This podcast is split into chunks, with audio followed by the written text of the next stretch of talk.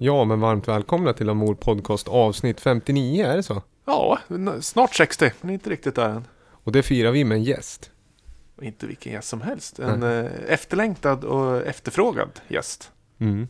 På public request och våran request är Karin Rousseau välkommen till studion. Tack så mycket. Välkommen! Och du berättade att du hade, du var inne i bod igår kväll och letade fram fyra skivor. Det var lite svårt sa du. Ja. I en bod med väldigt många skivor så är det svårt att välja ut fyra. Så det var Ja. nog min största utmaning innan jag kom. Det är som en del har så här vinkällare full med gott, men du har liksom en vin, eller en skivbod. Ja, Med- det kan man säga. Är det vinyl och CD med, eh, alltså från karriären? Ja, hur mycket som helst. Och kort bakgrund om dig egentligen. Du är ju, du, som, jag, jag sa det till dig innan vi gick in i sändning. Nu blir det lite namedropping. Men när jag blev intresserad av dansmusik. Då träffade jag Viktor. Och så träffade jag en kille som heter Kei Mohebi. Eh, som också gör musik och är lokal från Gävle. Och då sa han det att, ja men det är för Karin det. Karin känner alla. Det var hans eh, förklaring. Men du har ju alltså jobbat som promoter och även eh, vad ska man säga, licensansvarig egentligen för all liksom global dansmusik. Ja, jag var skivbolagschef väldigt tidigt. Ja. Och label manager, A&R som det heter. Ja, och tanken med det här avsnittet egentligen, det är att du ska få berätta eh, lite backstories vad du har gjort inom musikbranschen och även spela favoritlåtar från egentligen mitten av 90-talet fram till det du jobbar med idag. Mm.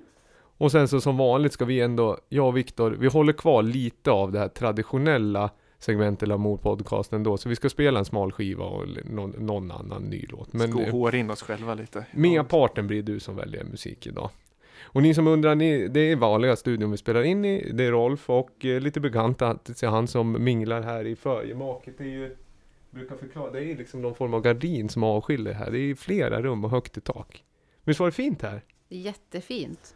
Men du, vi börjar med en låt som många känner igen. Som du sen får berätta lite om tycker jag. Mm. Varför vi spelar just den här. Ja, Vi har namedroppat lite tidigare, men eh, nu kanske vi får hela, hela backstoryn. Vad det handlar om. Och den här har ju ni som är återkommande lyssnare till våran podcast vet att vi har nämnt den här låten i förbifarten. Eh, och då hade inte vi så mycket info alls om den mer än eh, jag hade en liten personlig story att det var första gången jag som 11-åring hörde helt instrumental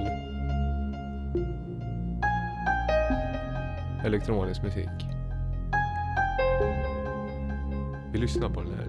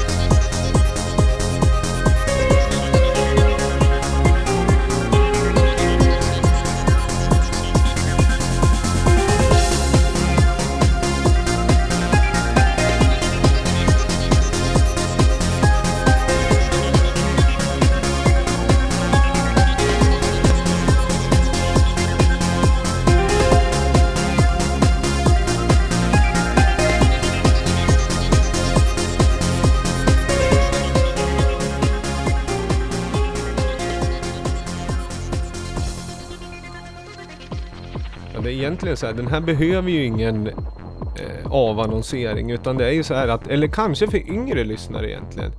Vad lyssnar vi på Karin? Vi lyssnar på Robert Miles och hans eh, första singel Children. Och varför lyssnar vi på den?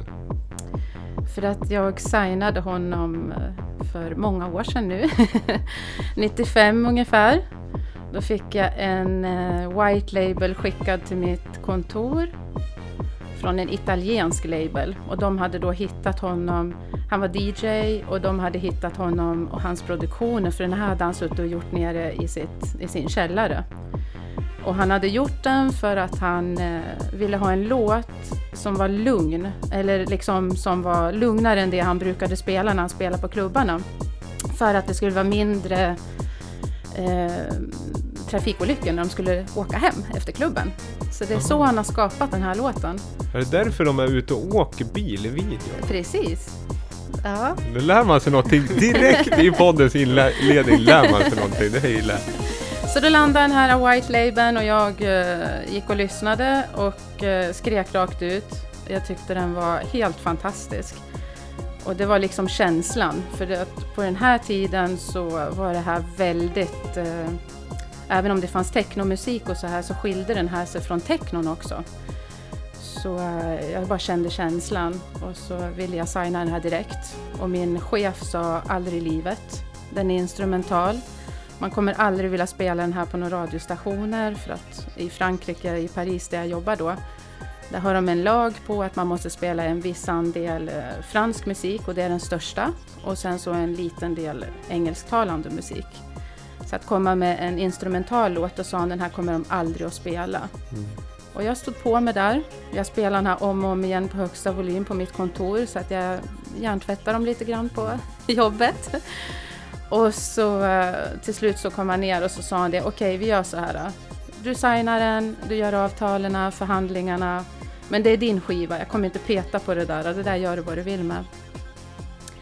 Så det gjorde jag och signade den för en liten peng faktiskt. Om Mm. sanningen ska fram. Och sen så började jag promotion på den. Och det här blev den största låten genom tiderna i Frankrike. Vi låg etta 13 veckor i rad på försäljningslistan. Så vi slog alla stora franska stjärnor och allting som Serge Gainsbourg och alla de här stora. Och den var instrumental också. Den var första instrumental. Ett, ettan som var instrumental. Ja, precis. Ja. Ja, jag som är, jag är född 1984, så som vi kom fram till det. 11 år var jag när jag hörde den här. Man hade ju hört elektron, man hade ju hört en synt för men man hade aldrig hört liksom den här, pappa hade spelat kraftverk, men det var ju liksom Det var ju så himla robotaktigt. Det här var ju liksom poppigt, Mm. instrumentalt, elektroniskt på något sätt. Och verkligen crossover. Så jag kommer ihåg, och sen gick den här på MTV hela tiden också. Eh, så den här blandades, jag kommer ihåg det, här, man såg ju den här lika mycket som man såg liksom Don't Look Back In Anger med Oasis och Alanis Morissette och den här. Det var ju de som snurrade liksom hela tiden. Men en fantastiskt bra låt. Men började den vara stor i Frankrike och sen liksom segertåg i Europa och övriga världen? Eller hur, hur, gick, hur, hur gick vägen till? Eller, Jag tror att Frankrike och Tyskland var först. Vi har ju alltid Eh, man tävlade alltid lite med Tyskland ska jag säga också. För det är, vi hade väl ganska, lik, eh, ganska, stor, ganska lika storlek på territory liksom med försäljning och sådär. Men den här singeln eh, blev ju Platinum. Vi sålde ju kanske, jag tror vi landade på ungefär 800 000 ex av den här singeln bara i Frankrike. Så det är enormt. Vi pressade ju och levererade minst 10 000 skivor per dag till skivaffärerna. Så det är ju den tiden när man sålde skivor som är fantastisk. Jag köpte den här på CD, kommer jag ihåg. Eh, CD-albumet. Men den kom väl lite senare antar jag, en singel. Men det var ju svart och så var det eh, det var svart i underkant och överkant och så var det en, ra, en rand va, med hans ögon. Kan det vara så? Ja, precis. Det stämmer. Ja. just det. Mm. Al albumet, men den, den kom så- lite senare. Men Den andra singeln. Fable var andra singeln kommer jag ihåg. Visst var det Mm. så? Men du, vi måste nästan backa bandet lite. Vad, vad gjorde du liksom? Du, du jobbade på skivbolag i Frankrike 1995 helt enkelt med elektronisk musik. Hur kom det sig då? Ja, den, Den historien är väl kanske ganska lång också. Men jag blev upptäckt själv eh, på en klubb i Paris och man ville att jag skulle dansa eh, till, ett annat, till en annan känd grupp. Men när jag kom ner till eh, Paris för att göra det och följa med dem på turné, då ville de spela in någonting själv med mig och lansera mig. Så det började så. Så då gjorde jag en väldigt smal låt som är liksom lite techno och så var det John Aquaviva som, och Richie Houghton som jobbade med mig då. då. Mm. Så den släpptes och vi turnerade lite grann. Men jag tyckte ju hela tiden att det var roligare att vara bakom.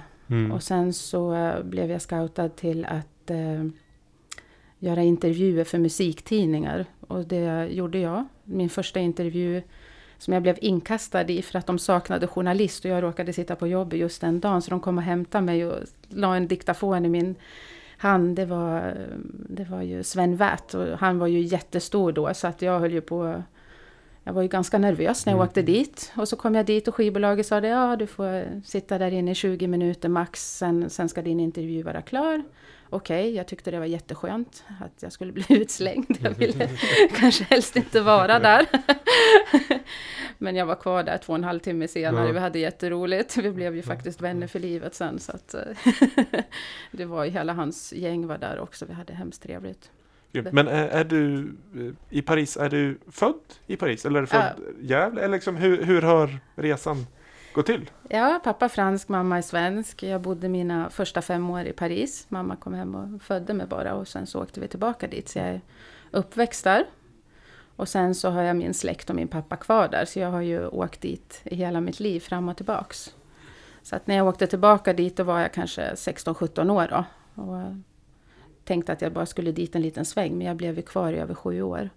Vilka var liksom referens eller inspirationen då? Musikaliskt? Eh, det var faktiskt hela den här biten med ja, French kiss och I wanna give you devotion. Eh, jag var helt galen i KLF. Det var liksom mina, det var de jag kanske lyssnade på mest. Eh, så jag liksom... Men det är ju också liksom, det måste varit så, jag är ju avundsjuk, men det där brukar jag alltid vara, att jag liksom lever i någon eh, föreställning att liksom det bästa har redan varit. Så har jag alltid känt. Jag känner alltid att jag missar någon form av tåg. För att det, den där eran måste ju vara när beatsen helt plötsligt fick ta plats liksom, i början på 90-talet och framåt. Att det blev fokus på rytmer och beats. För innan, jag lyssnade jättemycket på äldre musik än det, men där var det lite mer melodidrivet. Det fanns syntar, det fanns elektronisk musik, men det var ju beatsen fick sitta i baksäte och sen mm. var det en melodi liksom, eller en sång. Men helt plötsligt så blev det dans av det. Det måste varit fantastiskt att liksom vara sam, liksom samtida med hela den vågen på något sätt. Ja, men det var helt fantastiskt faktiskt. Och när man kom ner till Paris och slog på radion och det fanns Kiss FM och de här fantastiska radiostationerna där de bara pumpade ut den här musiken, det var ju som att hitta hem. Mm. Och uh, kunna gå på de klubbarna och vara med och, och, vara med i hela den rörelsen som skapades i det också. Men vad, som KLF och de är ju, när jag tänker tillbaka så var ju det liksom de stora affischnamnen. Men var det någon liksom underground om man jämför med pop och det som blev hela EDM-vågen för några år sedan. Räknades det som underground eller var det liksom mainstream då också? Nej, det var inte mainstream då och det som man ser som man signade in 95 det var ju också väldigt smal musik och man fick höra att man höll på med techno hela tiden som Robert Miles också, det kallade ju dem för techno. Uh, och jag sa det, nej det här kommer att bli popmusiken, det här är om tio år så kommer ni se annorlunda på det här. Och det var ju så det blev lite för, förtrupp till det stora kommersiella segertåget. Ska man säga. Ja, det fick man vara med. Och som eh, ni eh, liksom vana lyssnare hör att jag har ju smugit upp en synnerligen stilbild, jag brukar säga stilbildande hela tiden, men det här är ju synnerligen stilbildande låt här som du har tagit med. Jag myser nu ja, äntligen får vi höra de riktiga hitsen. Behöver inte liksom, behöver inte jag leta något nytt som nästan låter så här, utan då kan vi gå till pudens kärna så att säga. Lyssna, vi är på, på, på gång med den här Monster Mix. Det är ju den som gäller. Absolut. Viktor, vad tycker du om den här? Ja, men jag har så mycket fina minnen till den här. Från när man spelar på kommersiella diskon, då var det här liksom, det här var det bästa man kunde spela som ändå gick hem liksom. Mellantingen mellan underground och kommersiellt. Smoke weed when I need to, and I need to get some rest. Yo, where's the cess? I confess, I burned a hole in the mattress. Yes, yes, it was me. I plead guilty, and at the count of three, I pull back the duvet, make my way to the refrigerator. One dry potato inside, no lie, not even bread. Jam when the light above my head went bam. See, something's all over me. Greasy insomnia, please release me and let me dream about making mad love on the heath. Tearing off tights with my teeth, but there's no relief. I'm wide awake in my kitchen. It's black and I'm lonely. Oh, if I could only get some sleep. Creaky noises make my skin creep. I need to get some sleep. I can't get no sleep.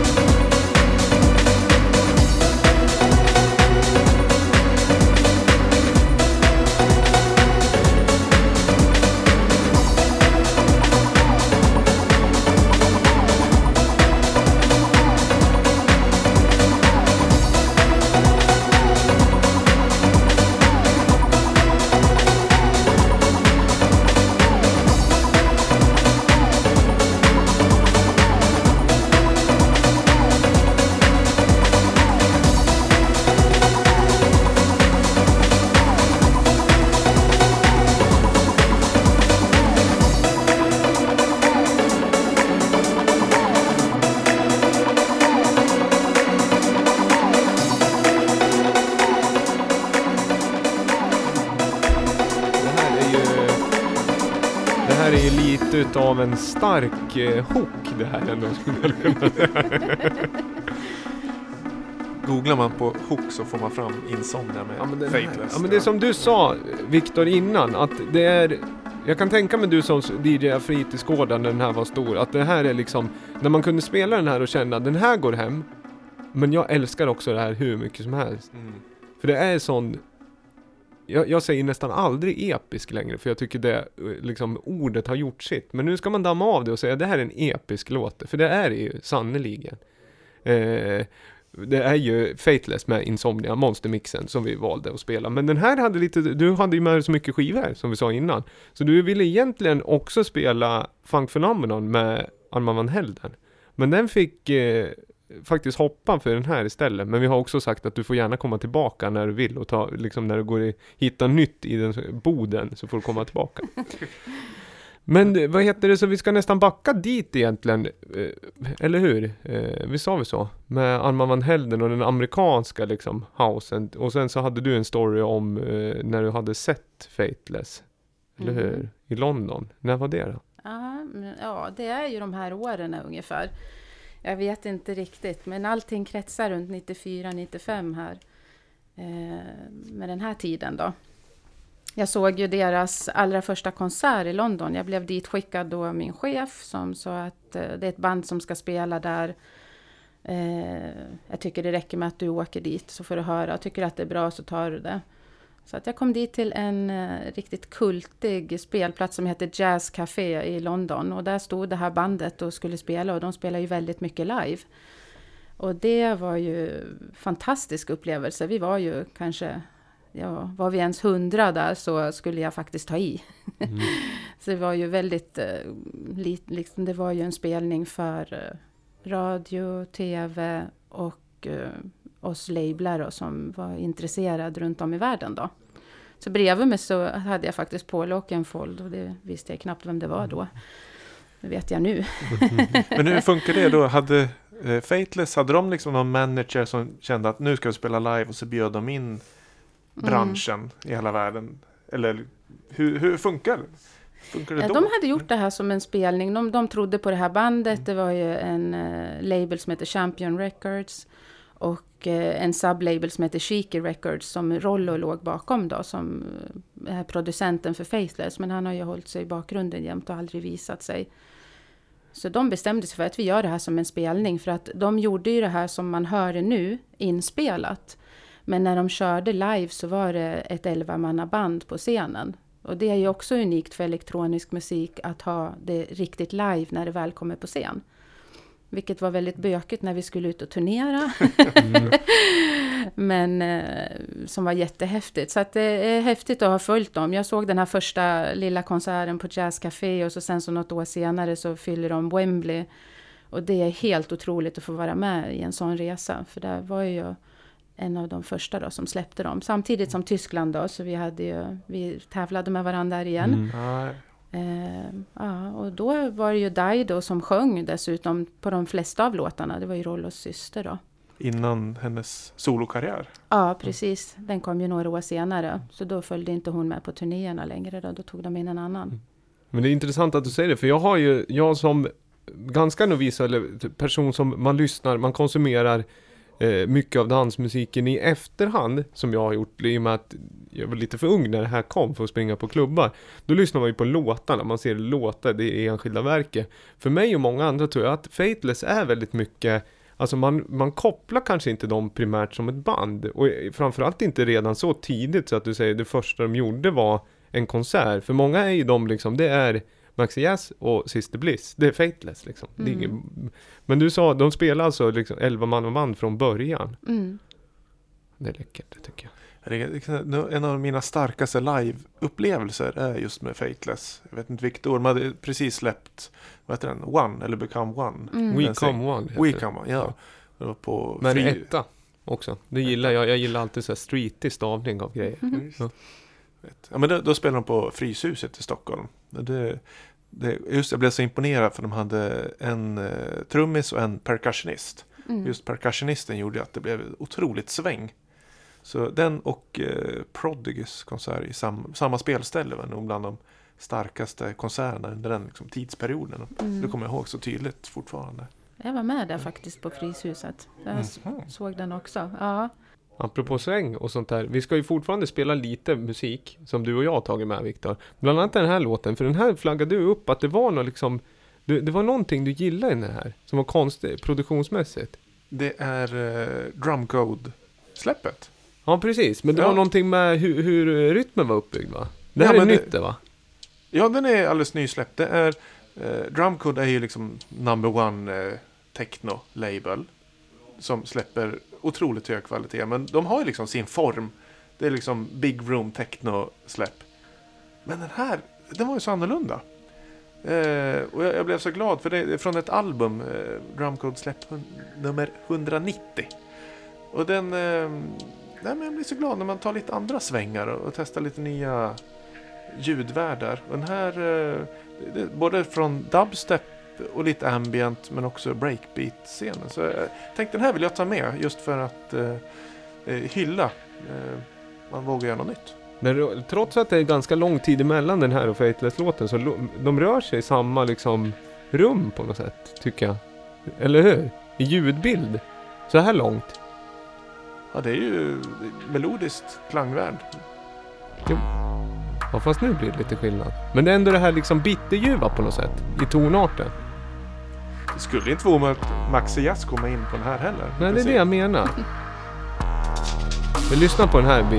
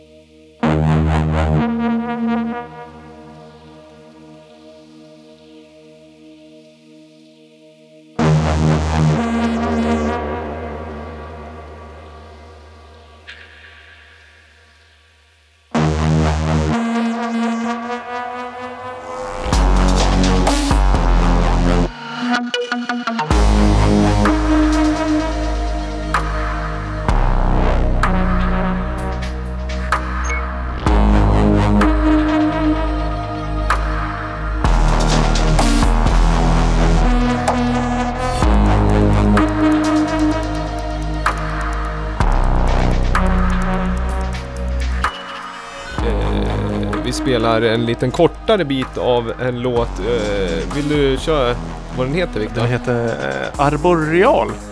Man uttalar men är italienska producenten Enrico Sangiuliano.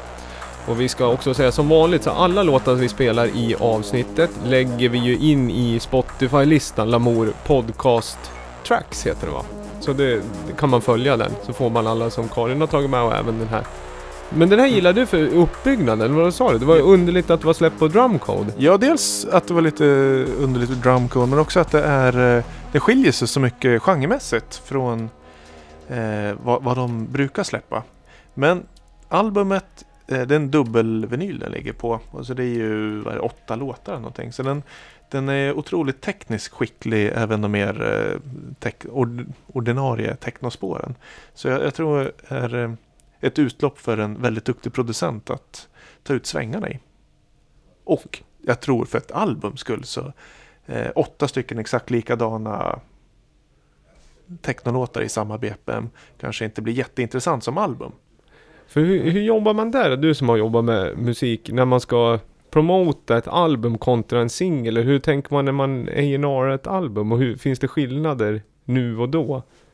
Ja, det är ju en grym skillnad. Förut kunde man ju sitta hur länge som helst och jobba på vilken ordning låtarna skulle vara i ett album för att det skulle vara en resa egentligen. Och vissa sådana där äh, album är ju mästerverk. Man vill inte ens liksom lyssna på en låt i taget. Och det är ju annorlunda idag när man bara kanske laddar ner eller streamar ner låtar som man gillar. Så att det där är ju liksom för en annan som kommer från den där gamla skolan tycker det är förfärligt när någon liksom kattar upp något mästerverk som man har suttit med timme ut och timme in. Ja, det förstår jag. Men det är ju att, men det börjar ändå komma lite, vissa album som släpps idag blir ju fortfarande eh, hypade som album. Eh, den här, vi har spelat det tidigare, vad heter den, Singularity med John Hopkins. Men då verkar det vara ett tydligt drag från artisten, att när redan, redan man kommer ut, då tänker man så här, nu turnerar jag med det här albumet. Då kommer jag spela det. Rätt upp och ner egentligen. Mm. Eh, Men eh, hur, hur liksom album nu och då hur, för att då kom, när du, när, så, då var det ju mycket CD-skivor. Så då köpte man ju dem, eh, liksom som jag, jag visste ju direkt hur Robert Miles skivan såg ut trots att det är så länge sedan. Och jag kommer ihåg låtarna från den och vilke, i stort sett vilken ordning det var också. Eh, men hur, hur lång tid kunde man sitta förr då i nara en skiva? Eh, Ja, länge. Och det kunde ju också vara att man fick flyga till artisten och hjälpa dem att sätta ihop albumen. Det har jag ju fått gjort många gånger också. När eh, de sitter och, och kanske har prestationsångest också. Man har gjort den där dunderhitten och så sen förväntar sig alla en till, minst. Och eh, då var man tvungen att åka ner, sätta sig och sålla med dem och också leta fram det de hade kastat i, i skräpkorgen. För där kunde det ju ligga riktigt bra låtar faktiskt. Så att, eh, många gånger har man fått, fått vara med och, och plocka ihop de albumen. Eller göra om. Det kunde ju också vara att eh, i ett land så tyckte man att det här släpper vi det och det och det. Och så kunde jag tänka att nej men eh, undra vad han har där i byrålådan också som gömmer. Och så kanske man släppte den just för våran release. Och det var ju väldigt roligt förut för att man var ju intresserad av, det är därför min skivsamling är makalöst stor. För jag släpper ju inte någon av dem. För att då kan jag ha en eh, UK-release, USA-release, France-release och, och det är olika låtar och olika mixar på allting. Så då vill jag ju ha alla kvar då. mm. Så det blir mycket. Men det där tror jag är jättebra att spara, just mixarna, för det är det jag tycker är, är roligt i dagsläget, när allting är så himla tillgängligt, Mm. alltså det mesta, så finns det någon, liksom, det finns något lager under, och det är ju ofta mixarna, editsen, bort, bortglömda grej, för liksom låten har man hört, och den spelar, den är tillgänglig för alla, men just den där li, lite underliga mix, alltså det är ju guldgruva. Jag tycker jag Absolut. blir, jag skulle också vilja ha en bod med skivor. Ja, men sen är det ju sådär att man, eh, jag har ju jobbat hemskt mycket med amerikansk housemusik. Eh, Jag har ju släppt jättemycket sådana artister och ibland så ville man ju göra andra mixar själv också. Man kanske fick levererat ett gäng mixar och så känner man att nej men vi tar den här killen i, som är stor i Europa nu också. Så att man gjorde ju egna releaser och egna mixar och, och eh, letade upp de artister som man själv ville jobba med då. då. Så Mm. att man satte ihop folk också. Ja, vad heter det? Vi tänkte, jag tänkte fråga. Hade, du hade väl någon fråga om eh, Karin låg bakom den ihop, eh, alltså den skivan? Ja, nej men det Arman van Helden som vi pratade om tidigare är ju min, min stora eh, artist och inspirationskälla när jag började göra musik. Och han remixade otroligt mycket olika artister.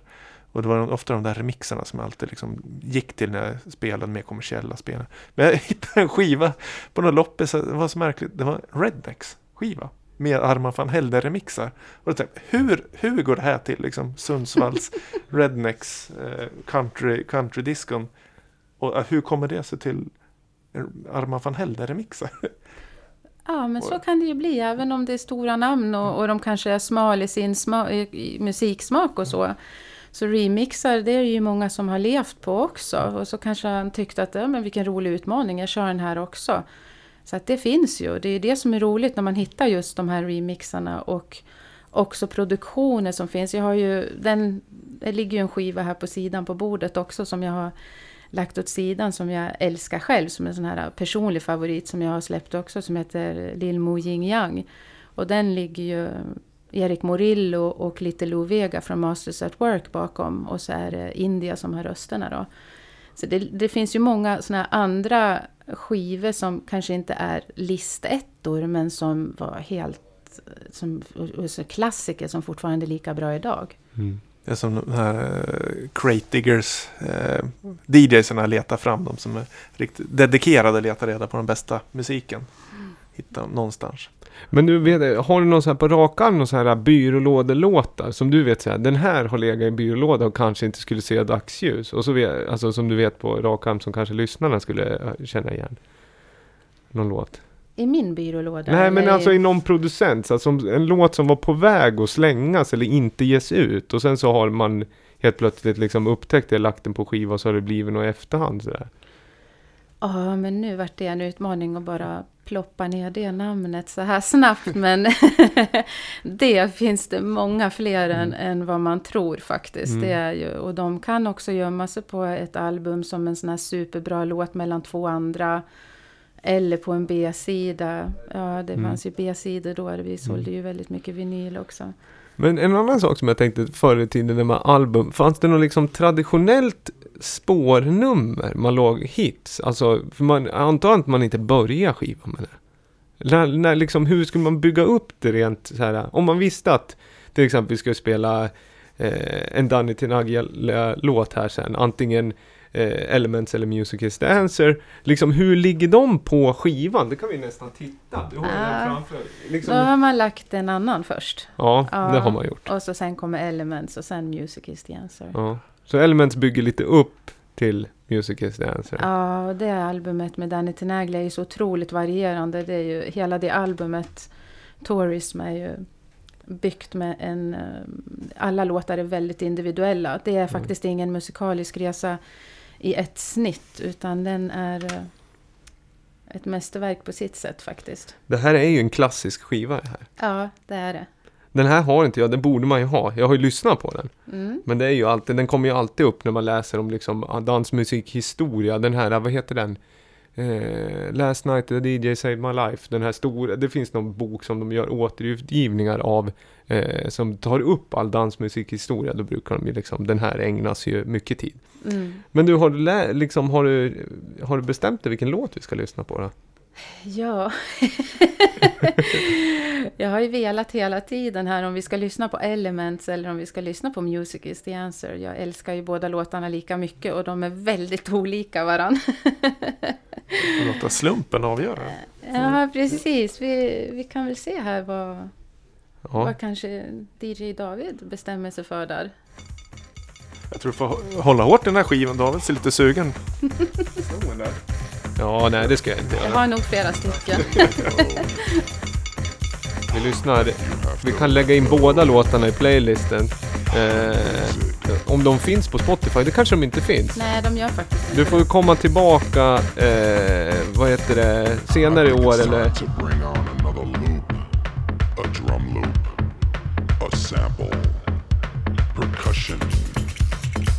I love percussion.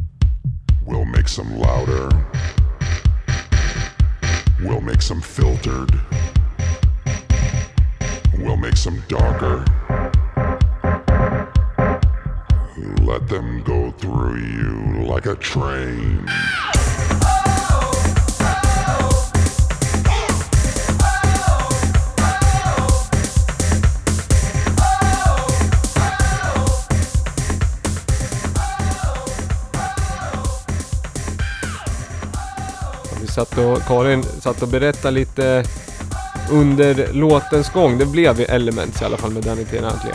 Fantastisk låt. Liksom. Jag sa det också att trots att den är, när den släppt Viktor?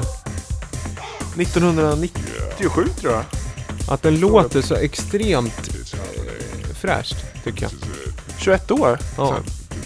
Skulle kunna lurat mig alla dagar i veckan att den är gjord igår. Ja, för att den här blir ju...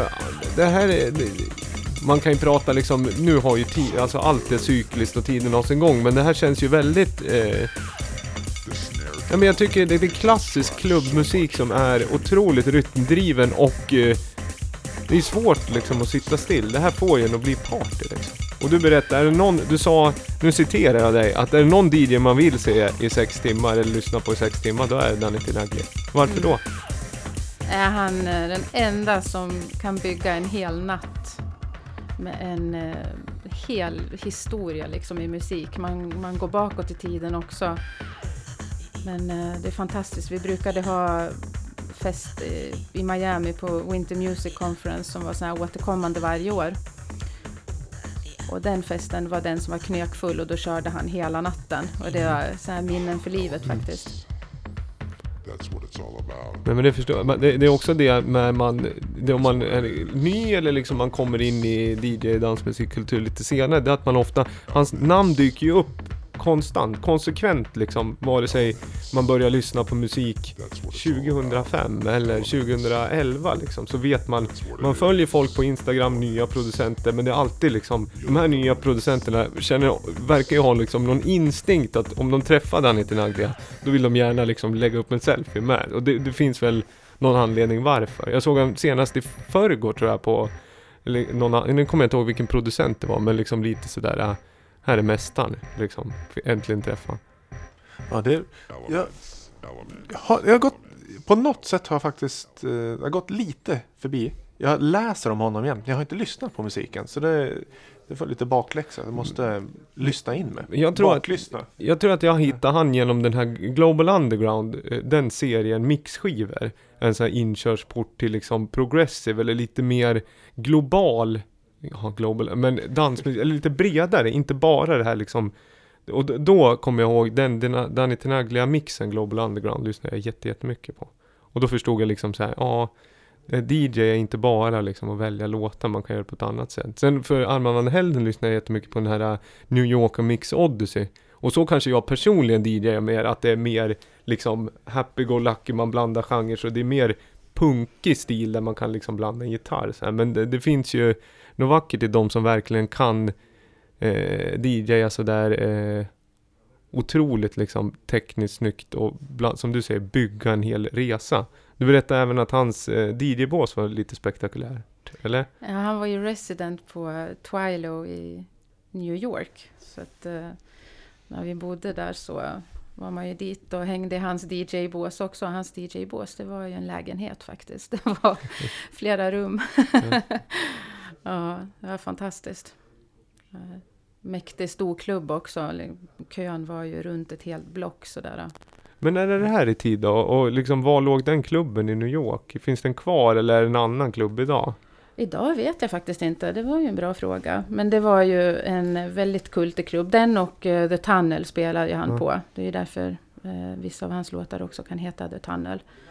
Då har man lärt sig det. För det har jag Mm. fattat någonstans men jag visste inte att det var, ja. Det var en, Ja. en tun, tunnel eller tunnel edit då. Mm. Eller gjord med mål att passa Ja. på The Tunnel.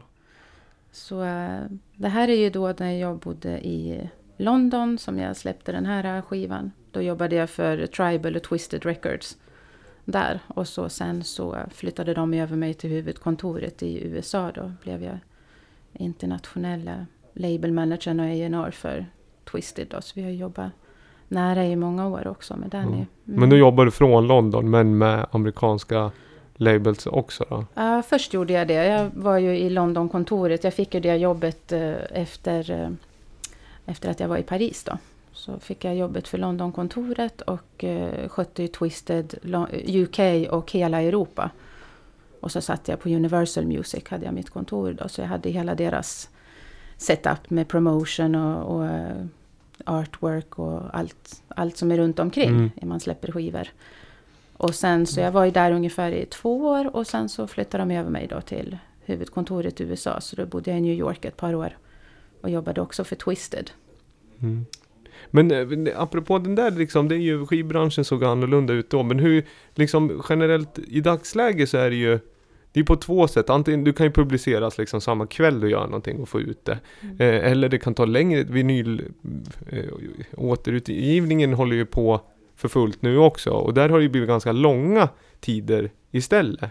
Så då måste man hålla det kvar. Men hur såg det ut då egentligen från när, hur lång tid tog det att göra en singel och promo- promota en singel från att du får in demon och får lyssna på den? Alltså det kunde ju ta tid. Eh, så som man signade skivor på den tiden var ju väldigt olika. Man fick ju inte allting skickat till, eh, till sig på kontoret heller, även om det var väldigt mycket. Och särskilt om man, eh, när man har stora hits så blir det ju att sen väller det ju in så man hann ju knappt med faktiskt och lyssna på allting. Men jag kan nog säga att det mesta jag har signat är när jag har varit ute. Genom att eh, man hade ju alltid någon av de här stora diskjockeysarna på besök på promotion. Erik Morillo, George Morell, Arman van Helden, Roger Sanchez, lite Lou Vega, Masters at Work. Liksom, jag hade ju dem där. Jag hade ju alltid någon som kom under de veckorna. Mm. Även stora italienska artister som jag jobbar med och så. Då, eh, man, man hade en, jag är ju den som tycker att det är kul i DJ-båset en liten stund. Sen måste jag ner och dansa. Mm. Det är ju jag.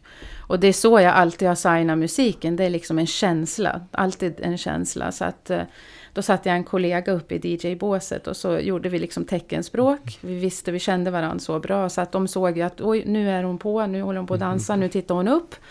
Och då så slängde de sig ner och kollade om de kunde se vad det var för skiva som DJn spelade. Och det var ju oftast någon white label utan någon text på alls då. Mm. Det var ju coolast dessutom. Och eh, så, då frågade man ju vilket det var då, och så sen så eh, signade man det morgonen efter. Men Så gick var, det var, eh, var det ett samarbete då liksom mellan DJn och dig? Men var, var det att DJn ville hålla det hemligt eller var de liksom bara glada att Nej, om de såg att nu dansar vara... Karin bra, nu vet man. Nej, nej, det kunde också vara att de skulle försöka hålla det hemligt vad de höll. För att man visste ju inte om det var någon av deras nya produktioner själv. Eller om eh, det var någon annan artist som de ville promota. Men eh, Nej, men med bra kontakter så släpper de det där. Mhm. och sen så eh, var det faktiskt en resa innan en skiva var klar. För att även om man fick en färdig datt och den var mastrad enligt dem så gick man alltid och eh, till masteringstudio och mastrade om eh, själva originalet och sen så skulle det där tryckas i olika format och så artworken tog ju tid. Man skulle ju alltid från etiketten som Mm. skulle sitta på vinylskivorna till skivomslagen och det var ju faktiskt så att när man fick en, en, en skiva levererad så var det som att få barn. Man var alldeles glad när den där äh, lilla boxen kom med första pressarna Mm. och så öppnade man det helt exalterad och skrek en liten stund och var lycklig där inne. Mm. Eh, Känner man igen. Men vad, heter, eh, vad var det jag tänkte på? Jo, att när... Eh, eh, jo, vad, nu, nu tappar jag det helt här. Vad var det jag tänkte på? Det var med pro processen då, för, men då tog det... Och då när ni fick ut... Eh, jo, med artwork. Hade ni så här inhouse liksom personer som jobbar med artwork till respektive label? Eller hade, hade artisterna själva åsikter om vem som skulle göra skivomslagen och sådär? Nej, men man, de, artisten hade inte så mycket att säga till om egentligen. För att tyckte man någonting annat för att Ja, då, då fick man ju stå på sig för att då fick man ju säga, nej men här i Frankrike jobbar vi så här eller så här vill jag ha det i UK. Okej om ni tycker det där är snyggt där. Så det kunde man ju komma in och, och ändra på. Och ibland kanske man gjorde ett snyggare skivomslag än vad Mm. de kom med från början också. Men det var väl alltid liksom med samförstånd med både labeln och, och, och artisten såklart. Men ibland gjorde man ju ny fotoshoot och gjorde om allting också. Det är det jag tyckte var lite ledande fråga, men det, det är det jag kan stilistiskt kan jag tycka att det är väldigt mäktigt. Om man kollar till exempel på Strictly Rhythm som vi har nämnt och även Nervous. Det är att man är så konsekvent med centerlabeln. Den ser ut som den gör, alltså Strictly Rhythm med liksom teglet. Och då vet man liksom, det här blir någon form av kvalitetsstämman. Jag har ju några repressen så här, och jag älskar att ta upp dem där. Och sen ser jag många gör ju gimmicks. Alltså de har ju liksom gjort en flört med det så att de släpper digital, det, nu sitter vi och tittar på en digital, det är inte Mm. alls samma sak liksom. Man ser ändå att de har liksom snott den där estetiken liksom. Mm. Eh, Centerlabel-bilder fast det bara släppt digitalt. Ja exakt, det är bara släppt digitalt. Och som sagt, vi ska ju peta in lite låtar som vi har hittat också. Det här kan vi faktiskt, eh, det finns en koppling, eller vi gör en segway till det här. För det här tycker jag är lite underligt, det här är ju nutida då. den här är släppt, kom i fredags på Spotify. Men sen så kommer skivan nästa fredag. Är inte det fel ordning egentligen? I dagsläget, 2018, 2019. Du som driver label, är inte det fel ordning? Jo, jag skulle nog gjort med två veckor. Det känns som att två månader, då förstår jag att det finns en funktion åt båda hållen. Just två Ja. veckor. För jag hade ju velat gjort en pre-order och sitta liksom och vänta ja. Och sen kanske den kom sen. Det är en bra låt. Den är snart slut. Men vi lyssnar en stu- stund.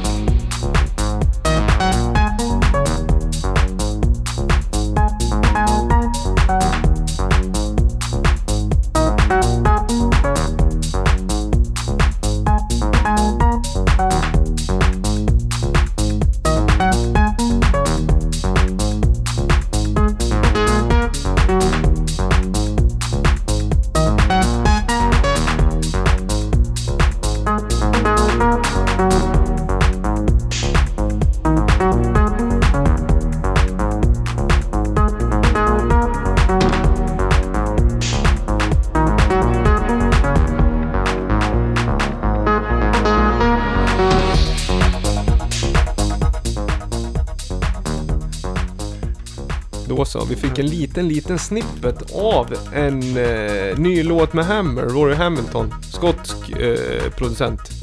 Kopplad till... Eh, vad heter den? Den här labeln heter Making Melodies va? Magic Melodies. Släppt DMX Crew. Även släppt eh, med Bicep tidigare på filmen Bicep. Eh, på en, vad heter det, EP som heter Ozone. Det här är ett spår 3. Som heter så mycket som Electric Fields. Det här är typiskt sån här musik som jag gillar. När det, det ska vara liksom blipplopp och syntigt. Blipplopp. David Holm blipplopp. Men du tycker det är relevant att vi ska spela det här istället för att lyssna på Karens härliga historier om massa kändisar och matnyttig information om branschen och sådär. Nej, men nu hade vi satt den här, vad heter det, nu hade vi gjort en playlist och då kör vi efter playlist. Vi behövde inte höra så länge. Nej.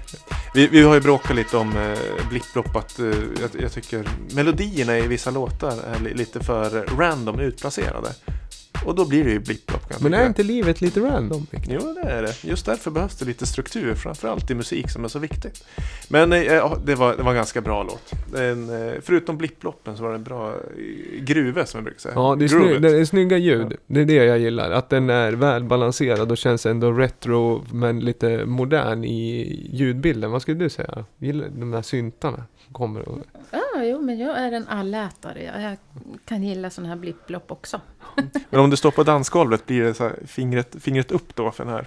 Ja, men det Ja. måste ändå vara liksom någon härlig basgång också. Mm. Det ska vara i, i höfterna och i kroppen. Ja men det, jag, nu tänker jag, det är nog inte så dansig låten här. Den här är kittlar lite mer mentalt den tycker jag. Mm. Mig, att jag gillar ljuden i sig liksom. De Mm. separata byggstenarna mer än liksom Jag blir inte helt jag, blir inte, jag tänker inte hoppa upp när jag hör låten utan jag gillar den är mer liksom lite så här spacey. Mm. Eh, strunt samma, vi ska inte stanna för länge i den. Den finns i playlisten i alla fall. Eh, men den är, det, det vi pratade om egentligen innan det är ju, eh, vad ska jag säga, logistiken kring ett skivsläpp nu och då. Och jag tyckte att det där är fel ordning. För nu har vi, den där finns på Spotify, den finns i våran playlist. Men man får ju vänta på skivan. Och det tycker jag är konstigt.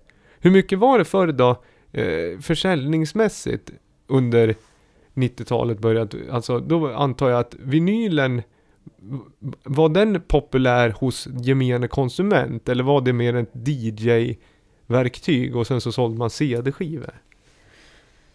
Det här Eller? är ju så länge sedan så att det fanns till och med kassettband. Mm. Nej, men eh, man sålde faktiskt eh, vinyl till gemene man också. Både på album och, och på singel. Så det var ju en marknad för det. Och sen var det ju väldigt många som, som ville vara DJ och ha just vinyl hemma också. Och sen så var det ju CD-skivans intåg. Men det vi inte såg, det var ju CD-brännans intåg.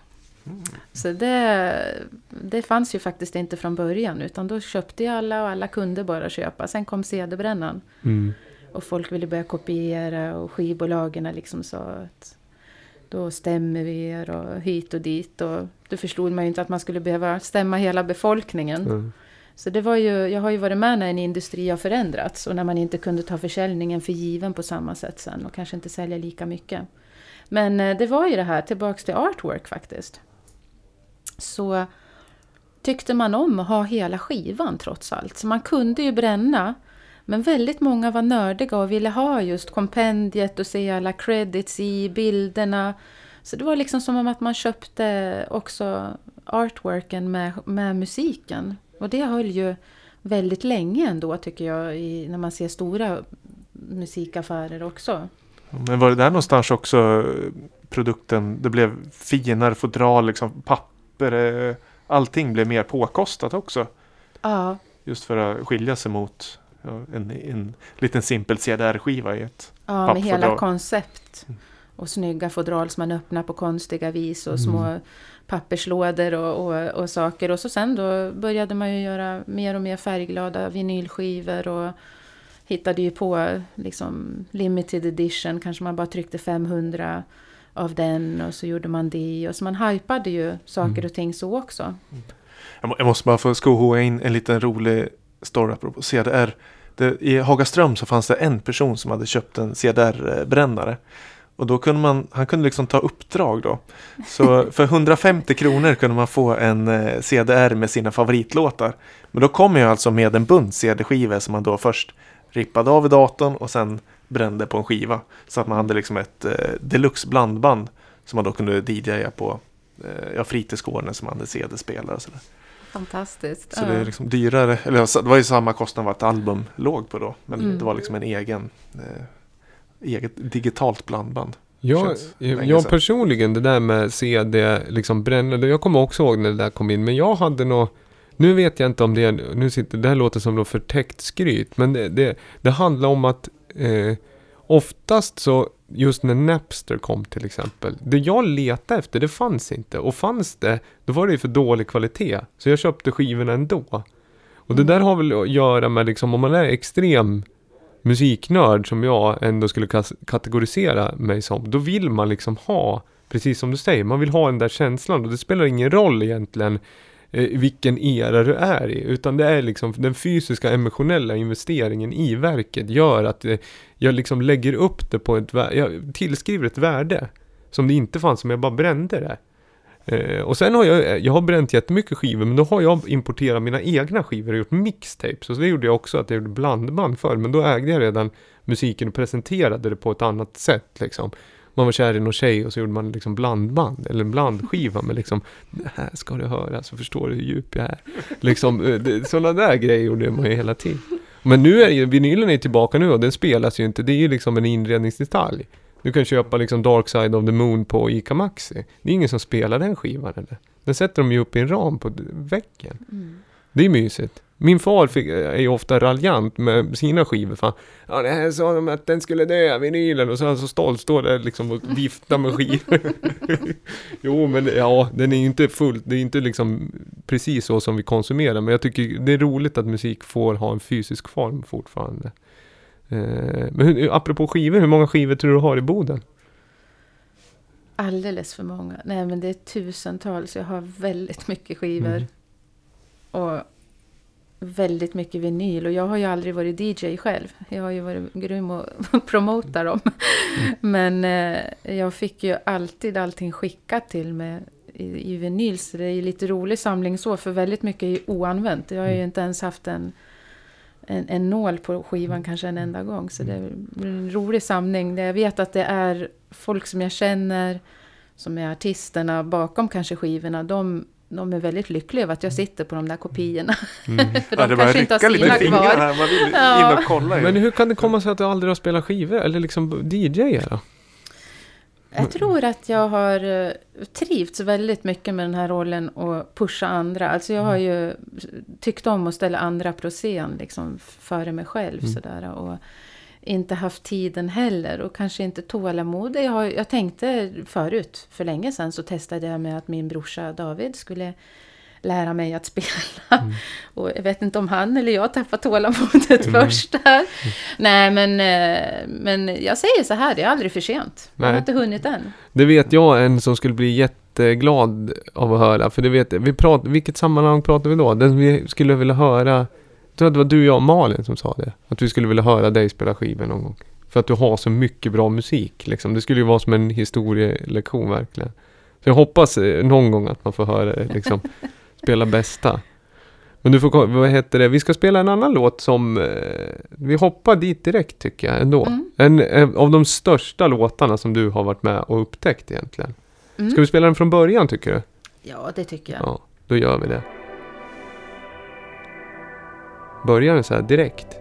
Ja, ganska Vi gör det, vi kör- ja, vi kör den här. lite.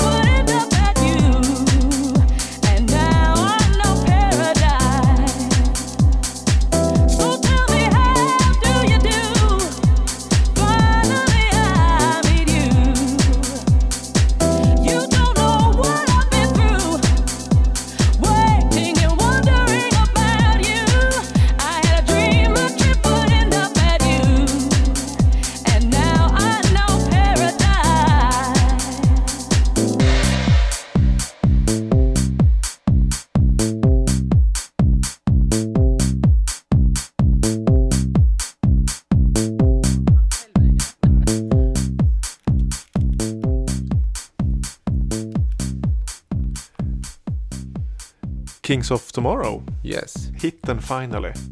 Det var första gången jag hörde talas om dig, Karin. Du Mm. var med den här låten. Liksom, Det är Karin som har tagit fram den här låten. Och det var här någonstans min eh, kunskap om dig börjar. Mhm. Så allt innan är ju bara bonus, det är fantastiskt. Få reda på det nu. Men hur, för bodde du i Sverige igen? Eller hur var det när Mm. du signade de här? Eller hur gick det till? Precis. Eh, någonstans där i New York så, så bestämde jag mig för att flytta hem. Eller jag, jag bestämde mig faktiskt för att starta eget. Och starta någonting som jag tyckte saknades eh, själv när jag jobbade som skivbolagschef och liksom skulle signa in och så här. Så hade jag velat haft någon mellanhand som var spindeln i nätet. Så att jag såg till att jag blev spindeln i nätet själv. Så jag Eh, startade liksom e-, ett agency med management. Men där jag också gjorde internationell licens för artister. De kunde liksom vara i mitt stall.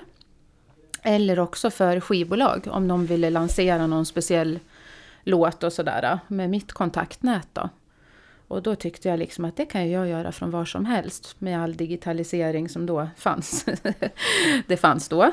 Var är vi nu någonstans i tid ungefär då? Ja, det här är ju, jag flyttade hem till Sverige, jag tror det var hösten 99. Mm. Mm, så det här, ja, runt 2000. Mm. Ja, Men då snabb och, snabb och liksom vaksam och hoppa på digitaliseringståg redan då. Liksom Ja, framtidsmänniska, det gillar jag. Ja, men jag gillar alltid nya Aha, saker, jag är ja. väldigt öppen för det. Ja. Och det är därför det går att eh, ha framgång flera gånger. Mm. För är man en gammal fossil och bara tror att det ska funka hela tiden, då, då, då stannar man där man är. Mm. Och det har ju vissa gjort också. Men vågar man sig på det och ser att eh, allt som är nytt eh, är ju någonting att vara nyfiken på. Vi lever ju i en evolution, Ja. så det är ju viktigt. Men eh, så då tänkte jag att nej, men då kan jag jobba från var som helst. Och då kände jag att eh, ja, men jag åker hem till Sverige först. Och så får jag se vart jag vill eh, vara sen. Jag kanske blir kvar i Sverige eller flyttar utomlands igen. Det får vi se. Men så då flyttade jag hem till Gävle. Tyckte jag var skönt då. Och så startade jag eget då och hade det där. Jag hade George Morell var väl den jag jobbade med först. Eh, Själv sådär. Nu började vi vårt samarbete i New York redan. Och sen så fick jag en skiva skickad till mig från ett franskt skivbolag som de nyss hade signat. Och som de sa att, nej men Karin kan inte du hjälpa oss med den här? Vi, vi, vi, det är du som håller på med den här sortens house och det är du som kan kontakterna. Så vi tror väldigt mycket på den här. Och det var den här låten. Så att jag fick den skickad och så lyssnade jag och så kände jag att ja, den här gillar jag. För det är ju bara så jag jobbar. Den här gillar jag, nu kör jag. Och så åkte jag ner till Midem ganska kort därefter och sen så plockade ju Defected upp den. Så att då gjorde jag ju all internationell licens för den här skivan då. Sen så blev det en hit. Mm. Och sannerligen en hit. För det här är ju en sån här låt som... Den här är ju omöjlig och inte ha hört på något sätt. Alltså man kan inte fly den här låten om man gillar dansmusik. För att den, den känns alltid som att den får liksom regelbundna cykliska liksom remixar eller den är med på en samling eller edits. Eh, vi pratade om det innan du kom hit idag, just den här låten. Och den här typen av house-låt. För när- den här är alltså släppt 2000 eller? Mm. Ja. Eh, och det var, vi ava låten va? Ja, du gjorde det. Kings Ja, of Tomorrow ja, med. Finally. Det är ju så otroligt stark vocal i den. Det är väl därför den håller att göra remixar på om och om igen. För att det är ju, den, den håller ju nästan a cappellan som jag hade i datorn. Är ju, den är ju så stark. Mm. Ja, och det är ju a cappellan som har spelats väldigt mycket också på andra låtar. Så att den här kan man ju stå på ett dansgolv var som helst på jordklot och så börjar man höra henne Mm. sjunga igen och Ja. så är man där. Och det är starkt det där med vad heter det att man... Nej men just att den kan, eh, som du säger, var, var som helst på jordklotet så kan man hoppa tillbaka till en visst minne eller ett visst rum. Men om du som har varit med länge, den här låten är ju en sån här typiskt stark house-låt. Det är ju liksom en, vad ska jag säga, en, eh, vad ska jag säga, en evergreen inom house på något sätt ändå, liksom modern. Finns det några mer låtar som vi eh, skulle, som du vet så här, att de här har aldrig slutat spelas egentligen? På rak arm, såna här house-låtar. Ja, men det är jättemånga faktiskt. Ja. Jag kan bara ta någon av de här samlingsskivorna som jag har släpat Ja. hit också. För det är som till exempel Roughneck, Everybody Be Somebody. Ja. Den släppte jag ju också. Sen har vi ju Erik Morillo, även om vi tar Real to Real, I like to move it som Ja. jag har jobbat med. Jag menar, den går ju som tv-reklam nu Ja. också, igen. Så att eh, det är väldigt många sådana här låtar som finns kvar och Mm. lever kvar. Mm. Roger Sanchez, Boris Douglas tycker jag också. Ja. Den, den släppte jag också, den här Keep Pushing. Den Ja. kan man ju fortfarande höra idag också. Ja. Och sen så Ultranate har jag ju också jobbat med och Barbara Tucker. Mm. Vad heter den? My Precious Love? Heter, är det, vad heter det? Barbara Tucker? Ultranat- Ultranate? Det är Free. Ja, Free ja. Men, ja, precis. Men Barbara Tucker är Den någon där. Blaze. Blaze och Barbara Tucker. Ja. Mm. Men den här Real to Real, den känns ju just I Like to Move It. Det är en lite speciell låt. För den är ju så här. Den har ju så många användningsområden som du. Det är tv-reklam. Malin brukar spela den när hon är på bra humör. Du, du, när du spelar på rinken förr, då liksom det är bry, alltså hockeyrinkskoefficienten funkar ju hela tiden. Mm. Den är väl med i, vad heter den? Eh, den är med i någon tecknad film liksom. Eller?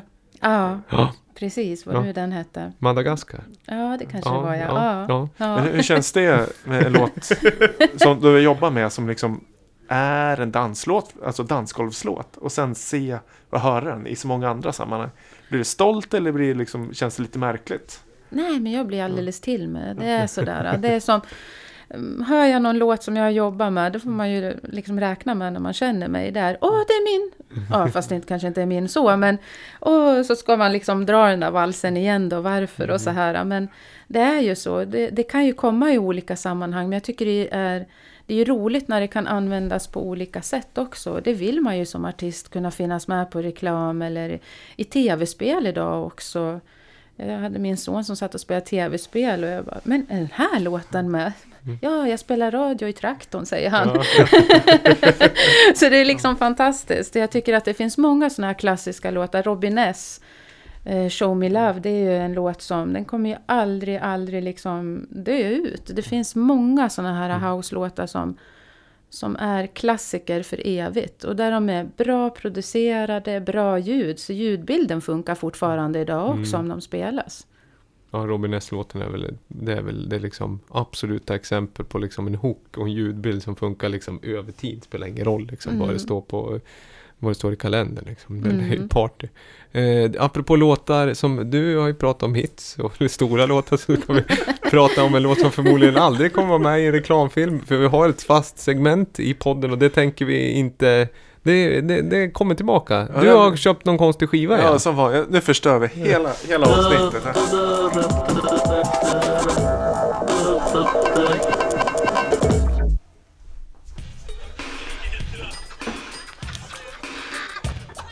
Ja, hej, hej, det är bara jag och det är faktiskt min födelsedag.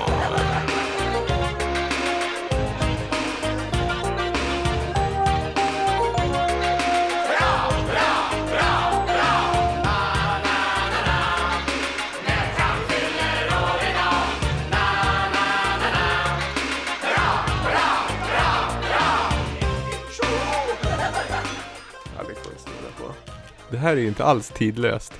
Nej, det här är ju ett eh, spontanköp som jag köpte bara på titeln. Eh, den låg listad som eh, Non-Music och då, då nappade jag den. Non-Music och så med den svenska titeln Götes födelsedag.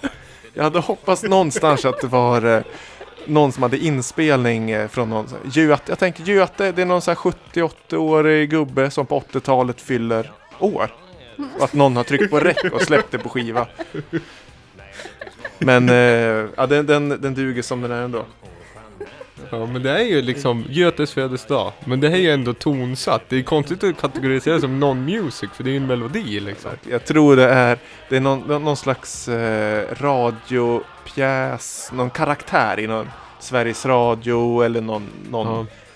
pjäs, eh, Göte. Är det på 7 tum eller 12? Sju, sju tum ja. Ja. Eh, släpp på sonett. Men du, jag ska ta... ja, det tog han av skiva. Det är ju ändå... Vi kan kolla på den. Eh, Götes födelsedag. Men på fodralet, om vi ska binda ihop det till eh, modern eh, eller klassiker, så har vi DJ-info. Det betyder ju att någon har eventuellt haft det i sin DJ-väska och DJ-at den här. Ja. Henrik Nilsson, det står ju till och med vem som har haft den. BPM 99 har de knackat in den här till. Går att mixa med hiphop de andra ord. Skivetiketten, det är ju liksom en, en förtvivlad dam med dreads på etiketten. Så den har ju ingenting med födelsedagen att göra Nej, tror jag. verkligen inte. Det, det kanske är någon här sonett skivbolags... Lite som eh, Kolossen på Knossos. Som du Ja precis, den klassiska felsägningen, den återkommande pinsamheten som, Ja men det här är också någon, det är någon gammal liksom, ja det är någon antik dreadlock-tjej liksom, ja. lite, Uthuggen i någon form av marmor, Ja, vi kan nog se lite Ja. egyptiskt ja. inspiration. Någon form av Moment. artefakt, som, i form av, ett, eh, form av en människa. Men det är ju, när man DJar, alltså det kommer ju rätt ofta någon fram och säger att Ja, min vän fyller år idag, kan du spela en låt eller, Ja. eller han? Det är dags frysbox på Happy Birthday med Stevie Wonder. Ja. Nu spelar vi bara Götes födelsedag hädanefter om de fyller år. Absolut. Det, den är perfekt för det, och vi har ju BPM och så, förutom att de sjunger Götes födelsedag. Mm. Så det, här får man bara Får ha mick med sig och köra talkover när de tar Göte och så får man skrika. DJen får skrika Ja, namnet liksom. Viktors. Men ni kan testa, jag fyller ju år snart så då kan Ja, vi ju, vi kör den då. Så vi kör Ka- Karins födelsedag. En liten bootleg på den då. Du, Eh, vi ska, vi ska 87. liksom tramsa klart. Vi ska göra så här. Vi ska ha, eh, podden börjar sakta, sakteliga i alla fall gå mot sitt slut. Vi ska lyssna på, först ska vi prata om lite så här kort bara vad som händer i Gävle, flagga upp lite datum. Sen ska vi lyssna på en jättefräsch låt som du har tagit med dig, som du jobbar med nu. Från en artist som vi nämnde precis. Ni som har gjort där hemma liksom och lyssnat noga kanske kan göra pusslet. Men vi håller på det lite. Eh, vi, vi drar den här bumpen och så tar vi lite viktiga datum, du och jag Viktor. Ska vi göra det? Mhm, mhm. Den här signaturen också Viktor gjort. På ett tåg. Jo, vad är det som händer? Apropå konstig musik från Viktor eh, Slimvik. Du spelar skivor på fredag. Jag tänkte det, besöka Studio Salt växtverk. Ja, Eh, köra blandad CD, vinyl eh, setup. Mm. Kör lite laid back eh, folkölsdisco och eh, korv med bröd eh, house. Mm. Och ja, vad heter det, vad är det annars som händer i stan? Det är Push-festival snart. Mm. 17, 18, 19 på Gävle Teater. Bör eh, inte missas, säger man så? Nej. Det är eh, världsartister som Graham Dunning från England, eh, Fraktal från Egypten eh, och Pjusk. Eh, kanske världens bästa ambient eh, Det är duo. jättebra. Och Åtminstone är, Nordens absolut bästa. och det är tre konserter om dagen. En på morgonen, en på lunchen, en på kvällen. Så att det är, eh, och på Gävle Teater. Så att den är ganska flexibel beroende på hur man jobbar. Om man jobbar femskift, treskift eller har barn eller liksom en sjusovare så ska man ändå kunna få, få till att se någonting i alla fall. Det var så vi tänkte. Ja. Eh, Vi ska också till Stockholm nästa vecka se John Hopkins. Det ska vi göra. Och det ska vi rapportera. Det ska vi inte, vi, vi ska göra en kort summering i kommande avsnitt. Sen så spelar jag lite vanlig barmusik på Noun. Det är ju alltid DJ där numera. Om man gillar liksom vanlig, ja, All- blandad. Alltid. Nej, ja, det, Mm. nej, på fredagar och lördagar. Ja, Eh, men det är Acke spelar ju där, Simon, Malin, så kan man ly- lyssna på lite. Ja, blandad selection. Eh, sen 10 november har jag flaggat upp igen på Söderhjälmska gården. Då är det eh, ett panelarrangemang med jättemycket live elektronisk musik. Bland annat med lite, det är nio stycken akter. Det här håller jag lite på, men det blir en hel kväll bara med live electronica. Mycket lokalt, lite utifrån. Men det kommer nog vara en... Eh, jag hoppas att det liksom blir bra turn-up den kvällen. Det kommer bli roligt. 10 november. Ja, 10 november, en lördag. Mm, mm. Vad heter det, vi ska göra så här. Du, vi pratade lite innan vi började spela också. Du har ju ganska mycket på gång nu. Du ska ju till de här stora scenerna. Du ska till Amsterdam Dance Event bland annat. Mm. Vad ska du göra där då? Då är det musikmässa, då är allt branschfolk där. Och så är det jättebra klubbkvällar med mycket artister som spelar och så. Så att det är väl där vi träffar varandra och strålar samma på, på en och samma plats kanske. Men där man också får höra mycket nytt och där man får sälja in det nya som man har. Mm. Har, har den eh, lite liksom tagit över? För att Winter Music Conference, har de döpt om den till, vad heter den? Heter den Ultra nu den? Nej, Eller det är en festival som är i samband med det. Jag tror Ja. nog att eh, Winter Music Conference finns kvar, men den är inte alls det den brukade vara längre. Nej för det känns som det här ADE, alltså Am- Ja. Amsterdam Dance Event har ju seglat upp som någon form av Det verkar ju vara en av liksom de, datumen på året som gäller för branschen. Ja, det, Ja. Är, det är den som är bäst just Ja. nu. Mm. Och vad heter det, hur många, när är den egentligen i tid? Den är 17, 18, 19 17, 18, 19? oktober. Ja, Mm. så det, det är tips också. Exakt samtidigt som Pushfestivalen. Ja, precis. Men då, då kan man också, man, man känner ju det, har man möjlighet att dra till Amsterdam, gör det. Då kommer man se mycket liksom internationellt. Vill man liksom njuta på hemmaplan och få internationella hit, då, då, då kan man gå till Gävle Teater. Så är det. Det är bra att man har ett utbud var man än är. Så är det. Ja, men precis. Men vad heter det, och vad är det du promotar nu? Liksom. Nu jobbar jag, nu har jag startat eh, Rousseau Agency och eh, jobbar med Stonebridge Productions. Så jag jobbar med Stonebridge som artist och eh, också de produktioner som de gör. Förutom de egna, för de gör ju väldigt mycket remixar till andra artister. Och mycket co-produktioner och så. Så att där representerar jag hela katalogen kan vi säga.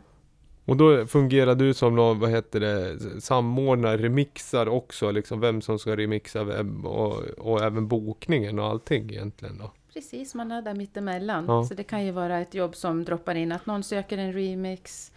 Eller att man eh, själv söker remix till någonting också. Det kan ju vara åt andra hållet. Men sen också mycket till de egna produktionerna. De gör ju väldigt varierande musik också. De är ju, Stonebridge är ju bakom många andra produktioner och namn bakom andra artister internationellt sett. Så han är ju Mm. väldigt stor fortfarande.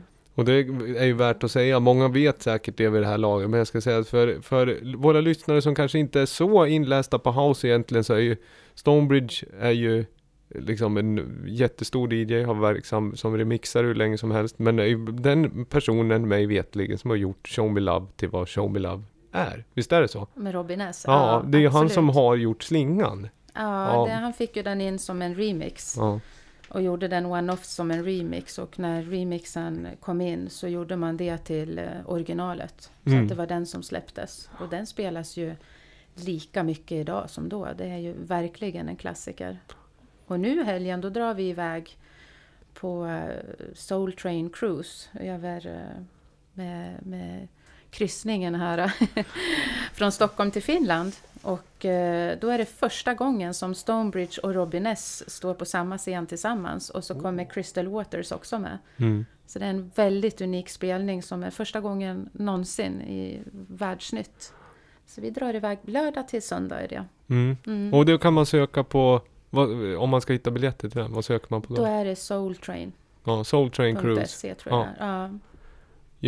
Crystal Waters också, apropå kända house-låtar. Ja. Gy- Gypsy Woman. Fin låt. Vad heter det? Och det, även det kan man ju titta, det finns väl, SVT har väl kvar det, hitlåtens historia ligger väl for- fortfarande, och finns det ju avsnitt om eh, Show Me Love va? ja, precis. Ja. Hela den serien kan man ju tipsa om. Du, vi ska lyssna på, visst är det här senaste Stonebridge-låten helt enkelt? Absolut, den släpptes nu 21 september. Så den är alldeles ny. Du, vi lyssnar på den. Den heter eh, Right Here Right Now. Ska vi lyssna på extended eller vanlig? Vi lyssnar på vanliga. Vi gör det.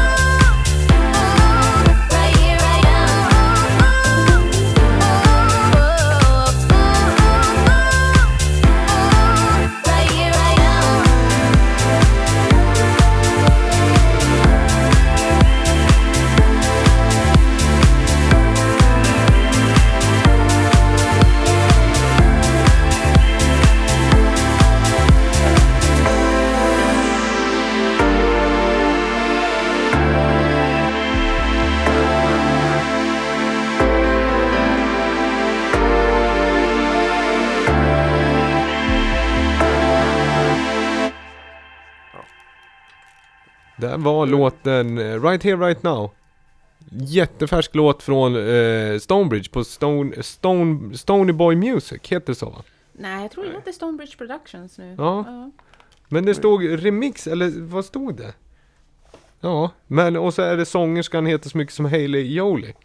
Eh, radio-edit. Det är väldigt liksom, ja en väldigt radiovänlig låt, spelvänlig. Och du sa just det här perfektionen i produktion och liksom för just den här, vad ska jag säga, vanliga mainstream-klubben. Att det är, det är väldigt liksom välbalanserat och snyggt och tidsenligt. Mm. Superproffsig produktion. Det är som alltid med Stenes grejer att de, är- de ligger så här rätt. Alla ljud, alla sounds. och Produktionen är... Han, han, vet, han vet hur det ska låta för klubb. Mm. Helt klart, jag kan bara hålla med. Ja, Du nämnde också det just det där att ni har, du, träff, du pratade med han i telefon när du jobbade i, vad, vad jobbade du då? För länge sedan? I Paris. Ja, exakt. Mm. Och du blev så glad att det var någon som, eh, att eh, eh, du kunde prata svenska. vad hette det? Ja, jag satt ju där på kontoret och jobbade på så ringer telefonen in och jag svarar. Och så skulle han prata med Pierre, min chef, så han frågade efter honom. Jag frågade men vem är det som pratar? Ja, men det är Stonebridge. Och eh, allt det här på engelska då Mm. såklart. Och jag bara, åh men gud, på svenska. Äntligen får jag prata svenska med någon, sa jag. så där eh, började vår första kontakt. Det var ju vi som släppte Robin S och, och Show Me Love. Så att vi hade ju kontakt också för andra produktioner som man har legat bakom såklart. Men eh, i 2018 nu, Stonebridge, han ligger bakom väldigt mycket andra produktioner för artister, kända artister också. Ja, och mycket remixar nu. Nu har ju varit allt ifrån Ariana Grande till Enrique Iglesias, Diana Ross. Väldigt, väldigt stora, stora namn som remixarna ligger nu också. Men de här remixerna idag, för det vet jag så här, ibland när jag, jag spelar ju ganska... För att det är ju väldigt mycket, som du säger, liksom superproffsiga producenter som remixar just de här poplåtarna. Men ibland kan jag tycka att det är lite svårt att hitta dem. Men allting kommer ut på Spotify som vanligt. Det är bara, eller hur? Remixerna. Inte säkert att alla remixarna hamnar på Spotify faktiskt. Det- Men eh, de större remixarna som skivbolagen ser som main remixar, de kommer Ja. ju ut på Spotify. Och ibland så blir ju de större än originalerna också Mm. Ja. såklart. För det har jag märkt ibland när man letar liksom på just sådana här jättehit. Att det kan vara kul så här, ja men man ska man ska spela på ett bröllop till exempel. Mm. Och så vill man, den här hitten, men jag skulle vilja ha liksom lite mer DJ-friendly edit. Då är det jättesvårt att hitta dem. Men då är det liksom, jag pratade med Christian om det där, att DJ promotion s- grejer, då kan man få den, den vägen. Men ofta kan det ju vara lite senare de kommer på iTunes och så. Mm. Ja, det är spännande det där. Eh, remixkultur gillar man generellt. Det här är inte en remix, det är ett original. Men den här ska vi bara prata på. Det är lite så här, vi skulle kunna sitta här hur länge som helst känner jag. För det finns så mycket stories och liksom så mycket att lära. Det, det har varit ganska intensivt att ta, ta in för mig där. Det har Ja, liksom, vissa pusselbitar har fallit på plats. Vi började egentligen för att, att få lära oss varför Robert Miles gjorde Children som han gjorde. Och det var liksom eh, trafiksäkerhet egentligen. Ja, det var det. Ja. Ja. Men du, eh, Rousseau Agency kan man följa dig på på Instagram, visst är det så? ja, Ja. det kan man göra. Den är alldeles ny men Mm. eh, det kommer att komma in många roliga ögonblick redan Ja. i helgen. Ja men det är bra. Så var tidig och följ för, för helgen och sen om man vill åka på, vad heter det, eh, Soul Train, hette så? Ja, Kryssningen. Då kan man gå in och söka på Soul Train.